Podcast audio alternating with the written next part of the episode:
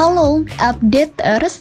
Di episode catatan wakil rakyat kali ini, kita akan berbincang bersama Wakil Ketua DPRD Kabupaten Sukabumi dari fraksi Partai Golkar, Kang Budi Ajhar Mutawali.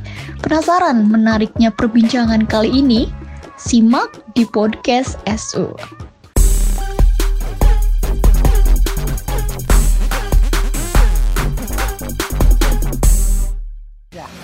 Budi Azhar Mutawali, sehat Kang?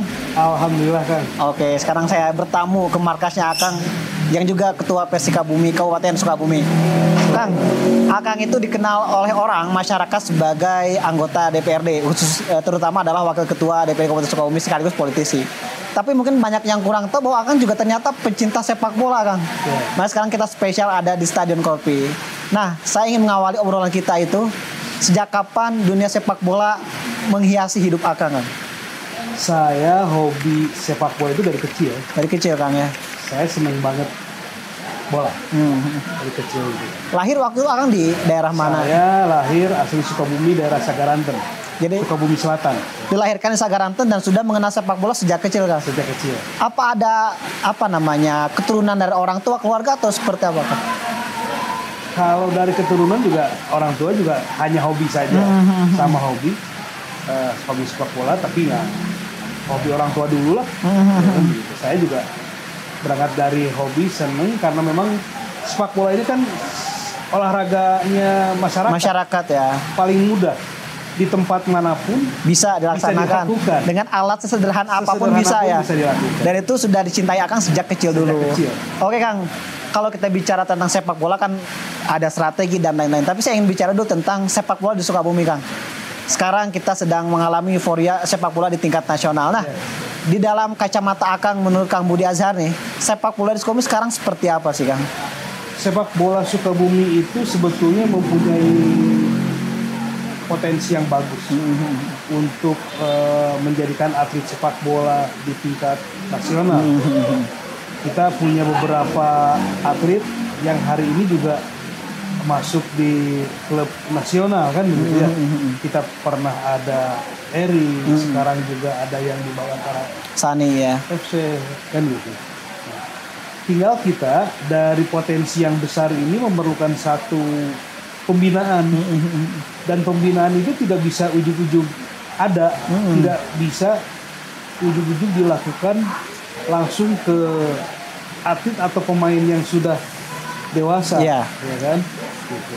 Memang eh, kalau dari sisi apa eh, ini alami bakat alami banyak juga. Tetapi kita memang bakat alami ini juga perlu dipoles, diasah dari sejak dini, Ya, dari sejak kecil dia dari sejak kecil. bangku sekolah dasar gitu ya. Makanya kami PSSI Kabupaten Sukabumi ini eh, akan terus mendorong SSB SSB ini memberikan satu pendidikan khususnya di dunia sepak bola dari sejak dini, Sejak kecil ya. sejak kecil gitu. Ya. Waktu itu Akang mulai main bola aktif lah di masyarakat teman-teman gitu. Tahun berapa kira-kira? Ya saya sejak kecil. Nah, perbedaannya Akang lihat dulu main bola Akang tahun berapa? Berarti tahun 80-an? Ya sekitar tahun 80. 80-an. 85 ya. Suasana yang Akang rasakan beda dengan hari ini sepak bola dulu gimana, Kang? Ya kalau dulu itu kan kita sepak bola hanya dasar hobi, kita menggali ilmu sendiri berdasarkan pengalaman sendiri. kalau hari ini sebetulnya kalau hanya men- mendapatkan pemain dari bakat alami pasti akan ketinggalan Iya. dengan yang memang bakat alaminya dipoles, diasah dengan melalui pelatihan Ada sentuhan pengetahuan di situ sentuhan gitu ya. sentuhan apa namanya melalui pelatih yang memang berpengalaman juga. Hmm. Kalau dulu kan kita alami saja melihat oh cara bermain bola begini dari Di- nonton TV Diikuti misalnya. aja gitu ya. Diikuti saja. Iya, iya, tidak ada transfer ilmu, Ilmu, pengetahuan dari pelatih ke pengetahuan dari pelatih. pemain. Oke. Dulu Akang main di posisi apa, Kang? Saya dulu di posisi apa pernah mengalami. Semuanya ya. Yang paling Saya- senengin. Kiper pernah, back pernah, di Oh. tengah pernah, depan pernah, ya kan? Nah, dulu terakhir saya ikut Porkab itu di sayap kiri saya. Sayap kiri ya? Iya. Berarti sangat sangat handal pemain ini. Dulunya masa-masa mudanya. ya. Nah, waktu SMA saya pernah diposisikan sebagai kiper. Kiper pernah Kang ya? Dua kali dua kali eh, apa? Kompetisi Di sekolah itu? di sekolah itu kita dua kali posisi satu kiper satu pemain belakang. Oh, oke. Oh itu di lapang ini saya masih ingat. Di Korpri mainnya? Di Korpri waktu itu. Oke. Nah Kang, kalau di Indonesia khususnya di Sukomi lah, kita istilah mengenal istilah tarkam Kang. Ya. Tuna turnamen antar kampung. Antar kampung. Ah, Akang waktu itu mengalami itukah atau apa yang Kang lihat dari kegiatan tersebut itu? Kita sangat Hmm. sering ikut di Tarkam. Tarkam itu ya. ya kan karena memang kompetisi formal itu juga hanya paling satu tahun satu kali atau dua kali kadang kan misalnya Porkab itu empat tahun sekali Iya. Porda juga sama kan Jarang lah gitu ya. Ada jeda gitu. ya paling sering itu ya itu Tarkam Tarkam justru mengisi aktivitas rutin. aktivitas rutinnya itu kompetisi di Kompetisi di tingkat lokal di tingkat Sukabumi lokal. gitu ya. Nah menurut Akang sendiri Tarkam ini kan kadang-kadang apa ya namanya dianggap tidak resmi dan lain-lain. Padahal itu secara tidak langsung juga mengasah aktivitas di tingkat lokal. Ya. Apakah ke depan Tarkam ini harus eh, dipertahankan dengan tetap dengan model seperti itu atau ada peningkatan?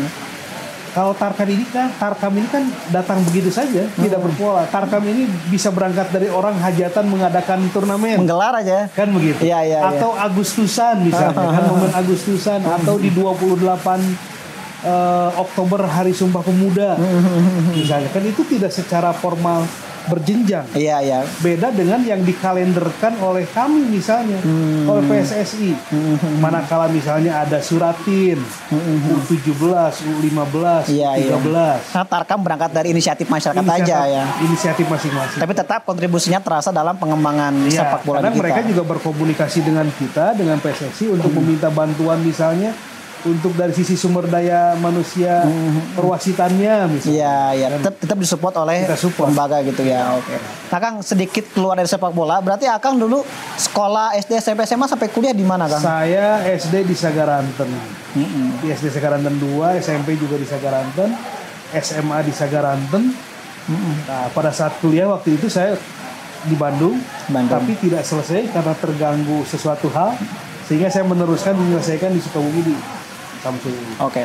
Nah, dalam perjalanan Akang mengalami atau menempuh pendidikan formal, pernah tidak mengalami persimpangan harus sepak bola antara pendidikan gitu waktu itu? Saya ah, kalau secara utuh terganggu tidak, karena eh, sepak bola itu kita menyempatkan kadang latihan itu kan selalu dalam sore hari. Sampai pada saat kita waktu kuliah di Bandung pun ya seperti itu. Pagi kuliah sampai sore ada waktu luang Main sepak bola ya. Oke, jadi tidak tidak mengganggu uh, aktivitas pendidikan Akang waktu Tidak, itu. tidak ada. Nah, Kang, Akang juga kan politikus gitu, bahkan pimpinan DPD Kabupaten Sukabumi. Kira-kira apa makna sepak bola, strategi apa yang bisa di apa namanya diejawantahkan dalam dunia politik yang akan jalani gitu? Satu yang paling saya beririsan, sangat beririsan. Hmm. Tetapi saya pikir ini juga di semua di semua ini akan akan terintegrasi. Ya. Apa itu kesamanya? Komunikasi yang paling penting. Hmm, Dalam politik itu juga sangat penting eh, bagaimana cara berkomunikasi. Hmm. Dalam dunia sepak bola pun sama. Seni Bagaimana berkomunikasi ya. Seni berkomunikasi. Oh, nah ada dan ada strategi attack and defense ya, bertahan dan menyerang itu dalam dunia politik. Mengkomunikasikan bagaimana dengan teman, bagaimana dengan Iya, iya. eh, satu eh, arah atau dua arah dan sebagainya. Dan di sepak bola modern komunikasi jadi kunci malahnya sekarang kan. Oke. Nah Kang, soal keluarga, Akang kan juga politikus, sekarang di dunia sepak bola, bahkan ketua Persika Bumi. Bagaimana respon keluarga dengan aktivitas Akang yang padat sekarang ya? Alhamdulillah keluarga mendukung Mendukung ya? semua aktivitas yang saya lakukan, baik di dunia politik ataupun di dunia sepak bola Sepak bola. atau di organisasi apa pun. Kalau anak ada berapa sekarang? Saya alhamdulillah dikarunia anak dua.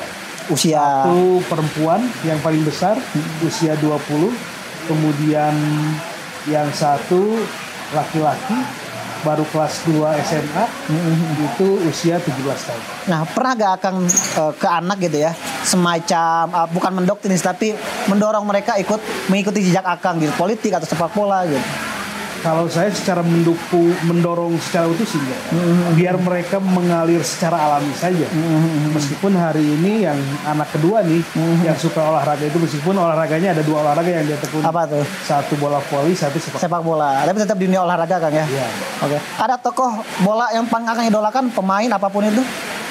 Kalau yang saya idolakan dulu ya pemain dulu. Karena kita orang Jawa Barat, Iya. Persib dong. Persib ya. Kan? Oh, saya ajak Sudrajat. Aja saja. Sekarang, yang sekarang. Kalau kalau sekarang pemain nasional sekarang yang eh, hari ini ya saya melihat potensi yang bagus itu ya tadi ada di Sani. Sani Rizky. Dan itu juga warga kita ya Karena memang di Sukabumi. Sukabumi. Oke, Kang, Persika Bumi kan sekarang saya lihat juga cukup progresif ya dalam dalam perkembangannya gitu. Nah, Kang selaku ketua, kira-kira apa rencana ke depan supaya Persika Bumi juga bisa ikut bertanding lah atau tampil di hadapan Liga Nasional gitu? pertama kita harus melakukan satu pembinaan dan pelatihan secara kontinu. Hmm, Itu yang sekarang kita rencanakan, kita programkan ke depan. Kemudian juga selaku saya ketua Askab PSSI Kabupaten Sukabumi, kami berpikir bahwa persepak bolaan atau bibit unggul atlet sepak bola ini tidak mungkin ujung-ujung ada tanpa melalui pembinaan yang baik. Oke. Makanya kami eh, Askab mencoba bekerja sama dengan pemerintah meminta adanya program untuk pelatihan pelatih, Pelatihan pelatih Kang ya. pelatihan pelatih supaya setiap SSB, setiap klub yang ada di Kabupaten Sukabumi ini mempunyai pelatih yang sudah berlisensi. Oh, oke oke oke oke. Supaya arah eh, memberikan pelatihannya itu benar-benar baik. Dan, dan itu dimulai dari sistem di pelatihan gitu, di kepelatihan gitu. Makanya kita ke depan kalau sesudah setiap SSB ini kemudian setiap klub ini mempunyai pelatih yang benar-benar mendapatkan pelatihan dan berlisensi PSSI. Hmm. Nah, harapannya tadi atlet-atletnya pun bisa benar-benar masuk yang Oke, jadi dibangun sistem dari sistem kepelatihan di awalnya. dari awal. Ke depan mungkin bisa pengembangan dari Iya. sejak usia dini lah Iya. gitu ya. Oke, Kang. kalau kita sekarang Kabupaten Sukabumi kan punya berapa klub dan SSB sebenarnya?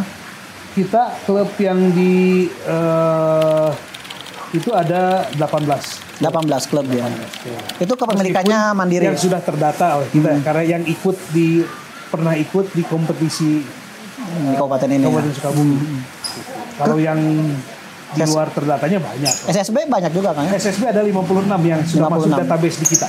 Dan itu kepemilikannya mandiri masyarakat ada yang ya. eh, mandiri pribadi, ada yang memang kelompok masyarakat. Oke oke. Nah Kang, ini kan Akang sekarang wakil ketua DPRD. Kira-kira ke depan eh, peran eh, Dewan lah dalam mendorong olahraga di Kabupaten Sukabumi akan seperti apa rencananya? Ya, kita mendorong pemerintah supaya memberikan satu eh, peran aktif dari pemerintah kepada organisasi cabang-cabang olahraga memberikan anggaran yang cukup untuk pembinaan. Karena tidak mungkin cabang-cabang olahraga ini mempunyai atlet yang baik tanpa didorong oleh pembiayaan yang baik. Oke, supporting dana mungkin dari pemerintah Supporting daerah. Oke. Kang, pertanyaan terakhir. Ini di timnas lagi rame pelatih coach Sintayong. Nah. Di mata Akang, eh, pelatih tersebut seperti apa, Kang? Saya kira ini yang ingin kita contoh di Betul. lokal kita.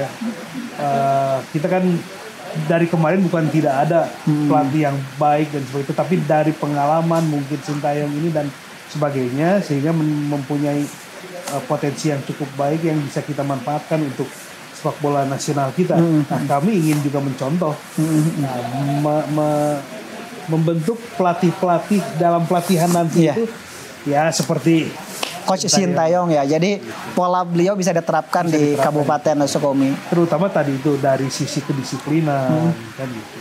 Oke, Kemudian juga bagaimana peningkatan skill, visi dan sebagainya. Nah sekarang bicara sepak bola tidak hanya bicara skill kayaknya tapi sistem, Hmm. bicara pengetahuan mungkin kayaknya untuk sekarang. Target terdekat Persika Bumi Kang ke depan Kita hari ini mau mengikuti Porprov. Porprov ya. Mau mengikuti Porprov, makanya kita hari ini lagi mempersiapkan karena dua-duanya ini kita lolos dari babak kualifikasi.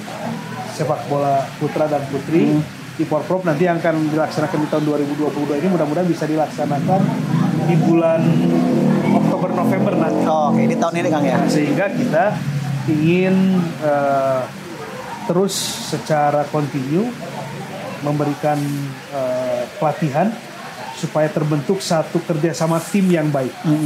Karena sepak bola ini ada dalam satu lapangan ini 11 orang, 11 kepala, 11 pemikiran.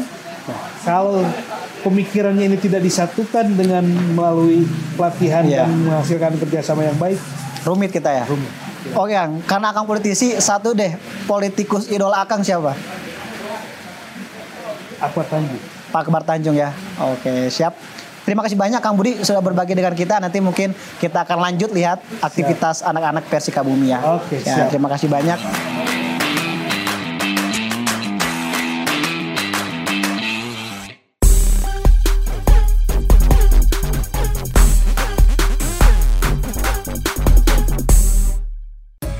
Nah, updaters, itu perbincangan hangat kita bersama Wakil Ketua DPRD Kabupaten Sukabumi dari fraksi Partai Golkar, Kang Budi Ajar. Terus ikutin update-update terbaru podcast catatan Wakil Rakyat bersama para anggota DPRD Kabupaten Sukabumi. Tentunya hanya di Podcast SU.